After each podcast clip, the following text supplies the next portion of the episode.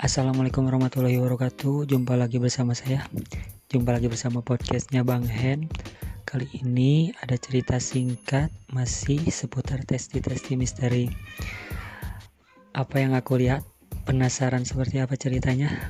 Oke langsung saja simak Dan dengarkan baik-baik. Boleh kok mendengarkan podcastnya Bang Hen ini Sendirian Sore itu, tepatnya menjelang maghrib, aku siap-siap ngambil air wudhu untuk menunaikan sholat maghrib. Tak lupa peci pakaian koko dengan sarungnya aku kenakan. Sambil menunggu kurang lebih sekitar 15 menit menuju azan,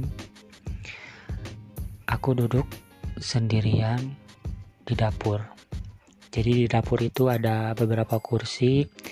Aku tuh duduk di pojokan dekat pintu dapur ya. Nah di situ aku duduk.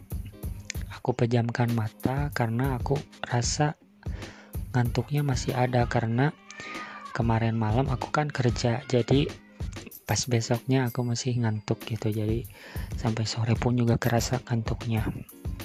Nah setelah beberapa menit, aku memejamkan mata.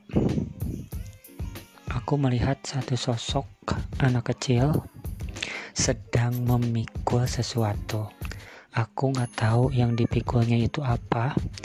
Dan anak kecil itu pelontos. Ya kurang lebih umur tujuh tahunan lah. Seperti itu mungkin itu sosok tuyul.